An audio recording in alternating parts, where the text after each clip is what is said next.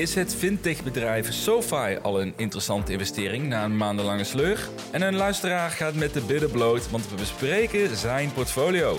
Dit is de Mr. Don podcast.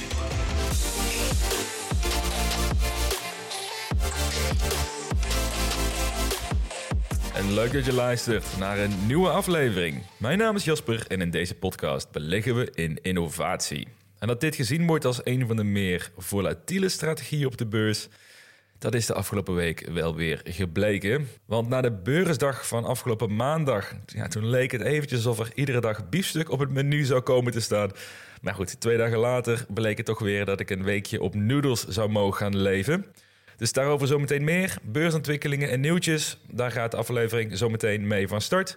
En daarna wil ik kijken naar het fintech-bedrijf SoFi. En dit is waarschijnlijk een van de meest bekende bedrijven die via een spec naar de beurs zijn gekomen. Maar vorige week tikten zij hun all-time low aan. Dus het lijkt mij een goed moment om een blik te werpen op dit aandeel, waarvan ik weet dat veel beleggers dit aandeel ook op hun wishlist hebben staan. Daarna gaat een luisteraar van deze podcast met de billen bloot, want hij wilde graag dat ik zijn portfolio zou beoordelen in deze aflevering. Nou, en als ik ergens mijn ongezouten mening over mag geven, ook nog eens op het verzoek van een trouwe luisteraar, dan sla ik die kans natuurlijk niet af. En ook zijn er weer een paar vragen via Twitter en Instagram binnengekomen, dus meer dan genoeg om te bespreken. En mocht mijn stem iets ruwer klinken, ik ben al een weekje stront verkouden. Dus dat maakt een monoloog niet veel makkelijker, maar dan, eh, dan weet je dat alvast voor deze aflevering. Maar voordat we van start gaan, eerst nog de gebruikelijke disclaimer. Dit is geen financieel advies. Doe altijd je eigen onderzoek en beleg alleen met geld dat je kunt missen. En, nog belangrijker misschien wel, vind je dit een toffe podcast? Dan zou je mij helpen om een score achter te laten via de Spotify-app of via Apple Music. Zijn er steeds een heleboel mensen die luisteren en nog niet gestemd hebben, dus doe mij een pleziertje en klik op die vijf sterretjes. Nou, eerst een blik op de afgelopen week. Nou, als je kijkt naar de koersontwikkeling van de Nasdaq, ja, dan leek het eigenlijk alsof we een redelijk standaard beursweekje achter de rug hadden. Maar ik durf wel te zeggen dat de meeste groeibeleggers het anders hebben ervaren. Mijn eigen portfolio ging afgelopen maandag maar liefst 11% omhoog. En dat is een van de beste dagen sinds ik ben gestart met beleggen. Maar helaas, aan het einde van de week bleef ik achter met een portfolio in de rode cijfers. Want alle winst op maandag werd in korte tijd weggevaagd. En als we kijken naar het momentum van veel groeiaandelen, ja, dan blijkt dat veel aandelen nog steeds in een neerwaartse trend zitten. Als ik even mijn watchlist erbij pak, zijn zo'n 30 aandelen. Dan zijn er in de afgelopen 10 dagen zijn eigenlijk alle aandelen op die lijst gedaald. En met gemiddeld zo'n 8%. En die lijst die bestaat uit best een brede selectie aan groeiaandelen. Dus om er een beeld bij te geven, uh, Square is bijvoorbeeld, of Blok moet ik nu tegenwoordig noemen. Blok is de afgelopen 10 dagen met 9% gedaald. Uh, Lucid Motors en Coinbase, die zijn bijna 12% gedaald. En SoFi dus zelfs 14%.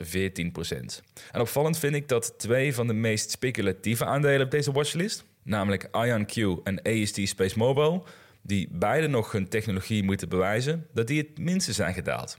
Dus al met al mogen we stellen dat de beurs nog steeds in een neerwaartse trend zit voor groeiendelen, ondanks dat de Nasdaq in dezelfde periode met bijna 3% is gestegen.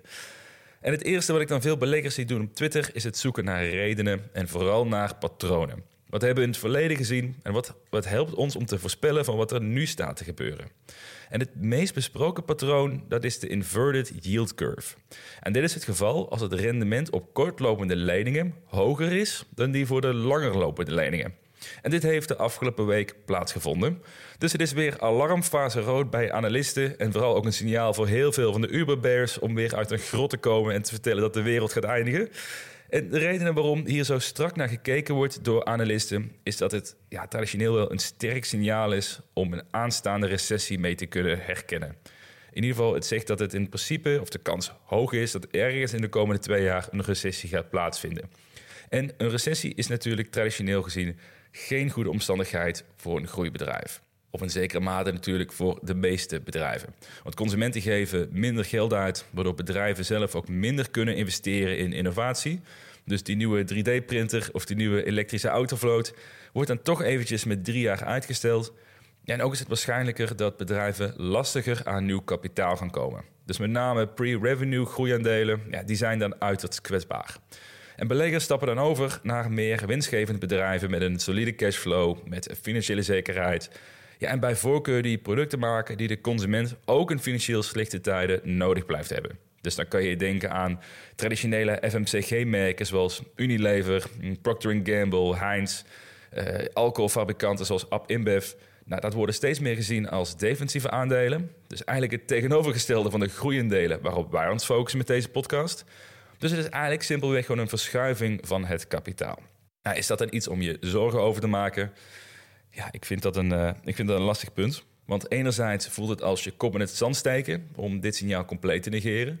Mensen zijn de afgelopen honderden jaren namelijk weinig veranderd qua gedrag. Dus als we toch naar patronen gaan kijken en dat we patronen herkennen die ons angst aanjagen, nou, dan gaan we daarop acteren en ons tegen beschermen. En datzelfde geldt voor onze beleggingen op de beurs. Dus zo'n inverted yield curve met verwachting van een recessie en de waarschijnlijke impact die dat maakt op groeiendelen, ja, dat is wel een signaal om in ieder geval serieus te nemen. Anderzijds, er zijn continu signalen die jou kunnen overtuigen om je aandelenportfolio te verkopen. Dus de oorlog in Oekraïne, ja, dat lijkt zich toch wel een tijdje te gaan doorzetten, helaas. Uh, de coronaprikkelen in China blijven oplopen. En er is in toenemende mate ook sprake van een voedseltekort. Dus er zijn, er zijn echt wel serieuze problemen gaande op de wereld. Mijn punt is alleen is dat er altijd wel redenen te vinden zijn die jouw angst kunnen aanjagen. Dus vandaar dat ik deze signalen serieus neem. Maar goed, meer vanuit het idee dat ik daardoor accepteer dat mijn portfolio de komende jaren minder kan gaan presteren dan ik had verwacht. Maar het is voor mij absoluut geen reden om dan mijn portfolio te gaan verkopen. Want onderaan de streep worden bedrijven gewaardeerd op hun output. Dus de omzet en de winst die zij maken en de groei die ze laten zien. En dan duurt het misschien iets langer voordat beleggers die bedrijven weer op waarde gaan schatten. Zoals het jarenlang ook met Microsoft het geval is geweest. Maar dat is simpelweg ook gewoon een kwestie van je geduld bewaren en snappen waar je in investeert. En daarover gesproken, ik kwam een, eh, een interessante statistiek tegen in de afgelopen week.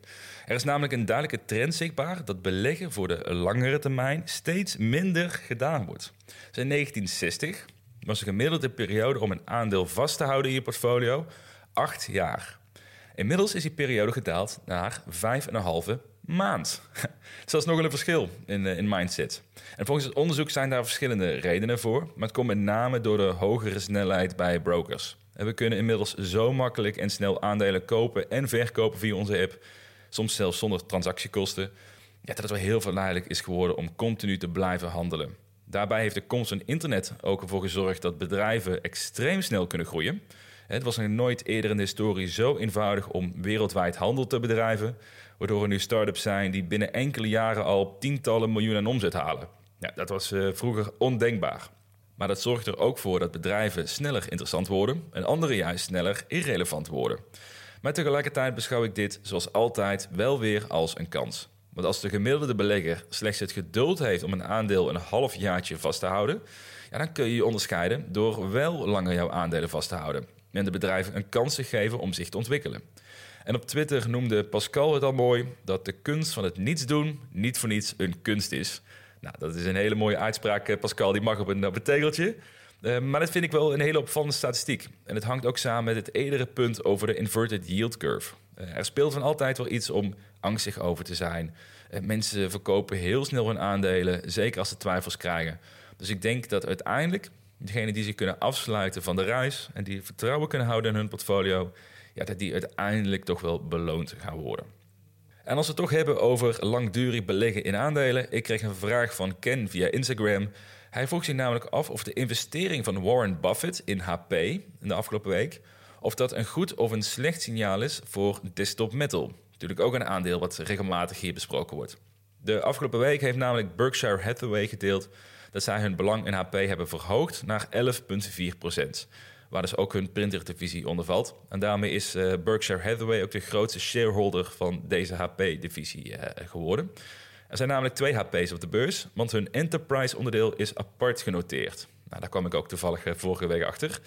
Nou, wat is dan de impact hiervoor op desktop metal, vraagt Kent zich af. En dat is een goede vraag, want ook HP is zich steeds meer aan het richten op 3D-printing op industriële schaal. Dus toen ik dit nieuws hoorde, dacht ik meteen: ja, dit is validatie dat 3D-printing inderdaad groot gaat worden. En sowieso zie ik de afgelopen weken ontzettend veel voorbij komen over de toekomst van het zogeheten additive manufacturing. Wat eigenlijk gewoon een andere term is voor 3D-printing. Uh, eh, Arc Invest bijvoorbeeld, zij verwachten een versnelde adoptie van 3D-printing. Namelijk dat in 2026 in plaats van 2030, de, de roadmap waar Desktop Metal zelf rekening mee houdt, dat dan al 3D-printing sterk is geadopteerd in fabrieken. Ook liet Ford, het, de autofabrikant, afgelopen week op een event zien dat additive manufacturing een belangrijk onderdeel wordt van hun toekomst. Steeds meer signalen en berichten wijzen erop dat de markt bijzonder snel geïnteresseerd lijkt te worden in de potentie van deze technologie. Ja, dat is alles een gouden scenario voor Desktop Metal om ervan te gaan profiteren. En de investering van Berkshire Hathaway in HP is wat mij betreft opnieuw een bevestiging van deze markt. Persoonlijk zie ik dit ook niet als een winner takes all domein. Dus er zal meer dan genoeg vraag zijn voor HP en Desktop Metal om te profiteren. Dus onderaan de streep heeft dit mijn vertrouwen nog een extra boost gegeven. En daarover gesproken trouwens, de CEO Rick Volop plaatste afgelopen zondag, eh, voor mij vandaag, een redelijk teasende Twitter-post. Namelijk dat er aanstaande woensdag mooi nieuws naar buiten gaat komen. Met zelfs de opmerkingen bij dat Elon Musk niet erbij betrokken is. Was wel op verzoek van een, eh, of een vraag van een andere Twitteraar. Maar dat zodra zij zien wat Desktop gaat presenteren woensdag, dat ze waarschijnlijk wel een klant willen worden van het bedrijf. Dus dat is een, eh, een leuke teaser om gedurende de week in de gaten te houden. Ik verwacht dat zij een nieuw product of een nieuw, nieuw apparaat zullen gaan lanceren. En ik moet ook toegeven trouwens dat Desktop Metal in de afgelopen maanden mijn grootste overtuiging is geworden. Dus het zou mij niet verbazen als deze positie binnenkort de grootste in mijn portfolio wordt, terwijl die nu nog gedeeld moet worden met Canoe. Nou, voordat we doorgaan naar het aandeel SoFi, eerst nog iets over een toffe ontwikkeling van de afgelopen week, waarin ik heb aangekondigd dat mijn vriend van de showpagina live is gegaan. Want door vriend te worden van de Mr. Don podcast aan 2,50 euro per maand, krijg je toegang tot de exclusieve afleveringen die binnenkort van start gaan. En deze afleveringen die bestaan uit aandeelanalyses of uit persoonlijke thema's, waarbij jij als vriend van de show kan stemmen welk onderwerp in de volgende aflevering wordt besproken. En ik vind het tof om te zien dat er na één week, nog voordat zo'n exclusieve aflevering live staat, zich al zeven mensen hebben aangemeld als vriend.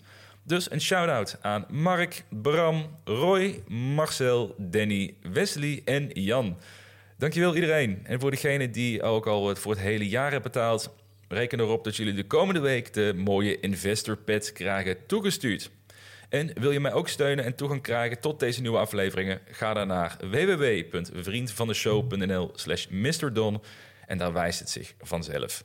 De eerste aandeelanalyse gaat trouwens over Datadog, een van de meest populaire cloud softwarebedrijven bij beleggers op Twitter. En de volgende analyses die worden bepaald op basis van een poll bij deze vriendengroep. Dan gaan we door naar SoFi. En dit is mogelijk een van de bekendste bedrijven die via een spec naar de beurs zijn gekomen. En waarschijnlijk ook het aandeel waar ik het vaakst de vraag over heb gekregen: ja, of dit aandeel nog op mijn wishlist staat. Voor degenen die SoFi niet kennen, dit is een Amerikaanse fintech-partij die zich richt op persoonlijke leningen. Dus uh, hypotheken, creditcards, beleggen, uh, maar ook herfinanciering van studentenleningen bijvoorbeeld. En als je de laatste Super Bowl hebt bekeken, dat event vond plaats in het SoFi Stadium in Los Angeles. Ook hebben zij afgelopen januari toestemming gekregen om officieel gezien te worden als een nationale bank. En wordt een technologie genaamd Galileo gebruikt door meerdere banken en brokers, zoals een Robinhood. Dus je mag wel stellen dat SoFi geen kleine fintech-startup is. En toch lijkt er iets niet helemaal goed te gaan bij SoFi. Tenminste, als je puur kijkt naar de koersontwikkeling. Het aandeel is dit jaar al 50% gedaald. En er staat inmiddels rondom een, uh, een all-time low. Met een waardering van zo'n 6,5 miljard dollar. Dus wat is er aan de hand bij dit bedrijf? Waar stiekem zoveel interesse voor is bij beleggers op Twitter. Want nogmaals, ik zei al, SoFi is het vaakst genoemde aandeel op Twitter met de vraag wat ik ervan vind. En ik denk dat SoFi een typisch aandeel is waarbij je pijn voelt op de korte termijn, gevoed door de macro- en de fiscale factoren. Maar wat op de lange termijn stiekem wel erg interessant kan zijn als je het geduld ervoor kan bewaren.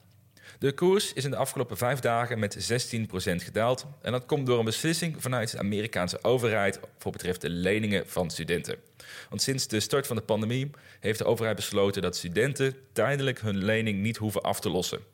Dat heeft impact op zo'n 41 miljoen Amerikanen. En deze maatregel is meerdere keren verlengd met de verwachting dat vanaf aanstaande mei de regel eindelijk zou gaan vervallen en dat studenten weer zouden moeten gaan starten met aflossen. En omdat dit een van de belangrijkste producten van SoFi is, stond dit voor een bedrag van nou, 100 miljoen dollar aan verwachte omzet in de forecast voor dit jaar. Maar wat blijkt nu? Tot enige verrassing heeft de overheid opnieuw de aflossingsplicht voor studenten opgeschoven. Met als gevolg dat SoFi die 100 miljoen dollar aan omzet gaat mislopen, want studenten hoeven niet te herfinancieren. Waardoor de omzetguidance voor 2022 is verlaagd van bijna 1,6 miljard dollar naar een kleine 1,5 miljard dollar. Dus die 100 miljoen dollar waar ik het, waar ik het net over had. Nou, dat valt eigenlijk nog wel te overzien. Het is procentueel best wel een kleine, kleine daling natuurlijk. Maar de echte pijn zit vooral in de EBITDA-verwachting. Die was namelijk 180 miljoen dollar voor het komende jaar. En die is nu hierdoor bijgesteld naar 100 miljoen dollar. Dus bijna 45% lager EBITDA dan verwacht. Ja, en dan uh, gaan beleggers natuurlijk twijfelen. Die zien dat hun verwachte price-to-earnings dit jaar vele malen hoger wordt dan bij hun eerste beraming.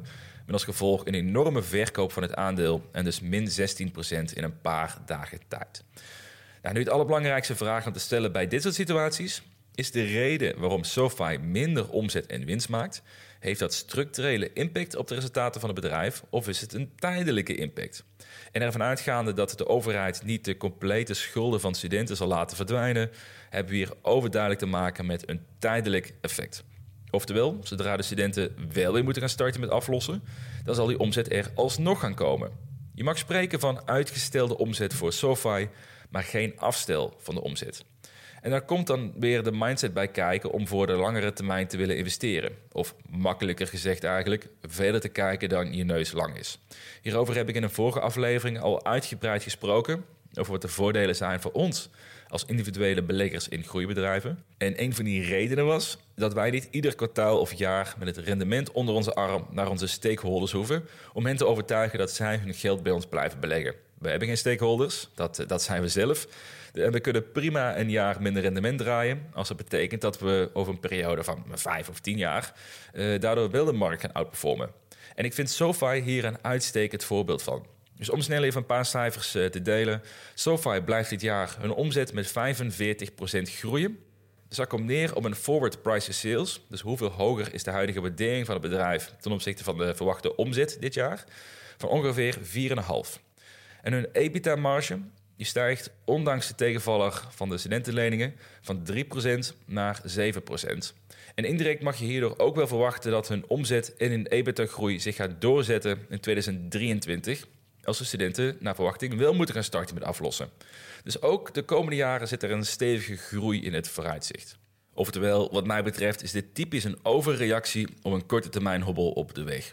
Dus voor diegenen die al interesse hadden in SoFi en het aandeel goed kennen, is dit wat mij betreft een enorme kans om juist je positie flink uit te gaan breiden. Nou, tot zover over SoFi. Dan gaan we door naar het volgende onderwerp van vandaag.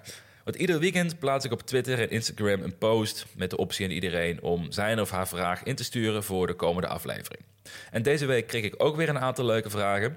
En toen werd ook door Ugi een ontzettend leuk idee gedeeld.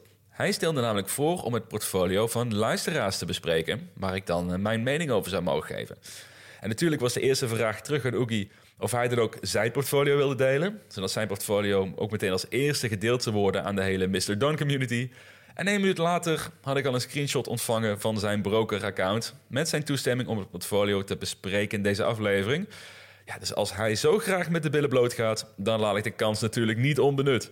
Maar uh, zonder gein, ik vind het oprecht een leuk idee. En ik vermoed dat de meeste luisteraars van deze podcast juist ook geïnspireerd kunnen worden van elkaar. En te weten uh, wat, hoe elkaars portfolio eruit ziet.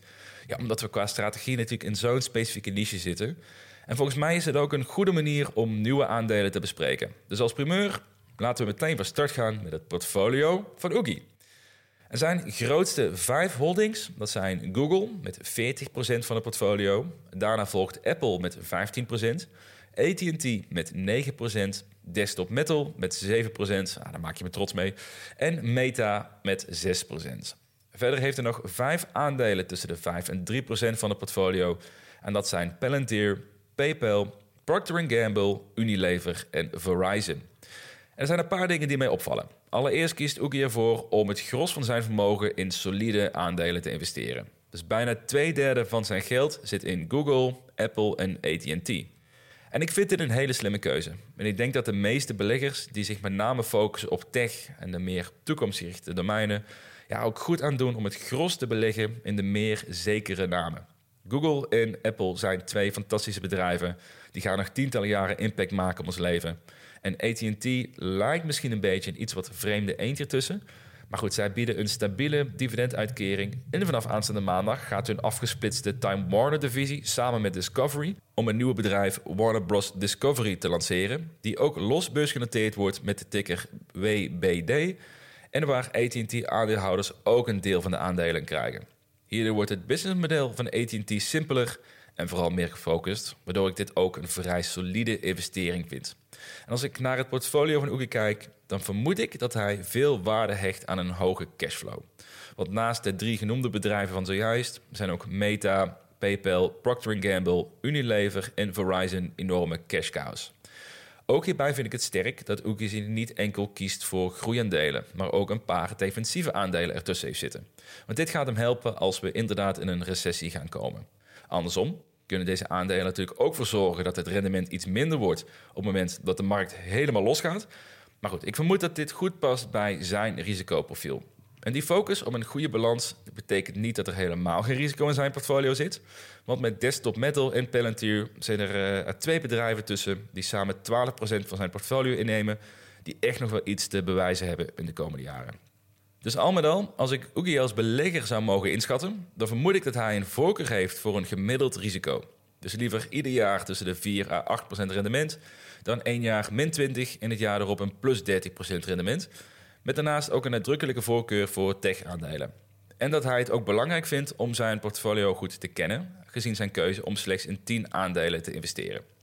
En ik denk dat hij stiekem een dividenduitkering ook wel fijn vindt, als ik zie dat de helft van zijn portfolio dit verzorgt.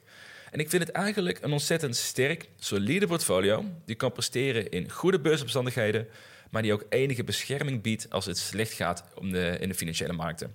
En met 40% in Google en 15% in Apple ja, kan ik mij voorstellen dat Oogie iedere nacht slaapt als een baby. Want dit zijn aandelen waar je gratis een goede nachtrust bij krijgt. Nou, dankjewel Oogie voor het delen van jouw portfolio. Ik hoop dat ik jou enigszins goed getypeerd heb als belegger. Misschien dat je anderen nog hebt kunnen inspireren met een aantal namen in je lijst. Nou, mocht jij het leuk vinden dat we jouw portfolio in een aflevering bespreken... met mijn ongezouten mening als een, uh, als een wijsneus... wiens portfolio niet 40% in de min staat... dan uh, deel mij een screenshot van je portfolio via Twitter of Instagram. En als er animo voor is, dan zal ik de volgende aflevering hier weer een segment aan besteden... Je mag trouwens gewoon de netto bedragen die mag je blurren. Dat uh, maakt mij niet zoveel uit, zolang wel duidelijk is hoeveel procent van het portfolio ieder aandeel inneemt. Nou, dan kreeg ik nog een vraag van NDB via Instagram over mijn mening over beleggen in holdings. En wat mij betreft is dat een, een, prima optie om een bredere exposure te krijgen zonder dat je direct in een index hoeft te beleggen. De eerste aandelen waar ik dan aan moet denken, dat zijn Berkshire Hathaway en Prosus. Al zitten er wel duidelijke verschillen tussen de twee. Dus Berkshire is stiekem vrij geconcentreerd rond een aantal holdings. Dus ruim 70% van hun investeringen zitten met name in vier aandelen. En dat zijn Apple, Bank of America, American Express en Coca-Cola. En als je bijna de helft van je geld in Apple stopt en daaromheen een paar traditionele aandelen koopt, dan heb je zelf eigenlijk praktisch al het portfolio van eh, Warren Buffett nagemaakt. Nou, enigszins gechargeerd natuurlijk, want dat zou te weinig recht doen aan de resultaten die zij boeken. En ook dit jaar staat Berkshire Hathaway weer 16% in de plus en zelfs 32% over de afgelopen 12 maanden. Dus sommige beleggers mogen Warren Buffett en zijn rechterhand Charlie Munger misschien beschouwen als gedateerde beleggers die de moderne technologie niet begrijpen.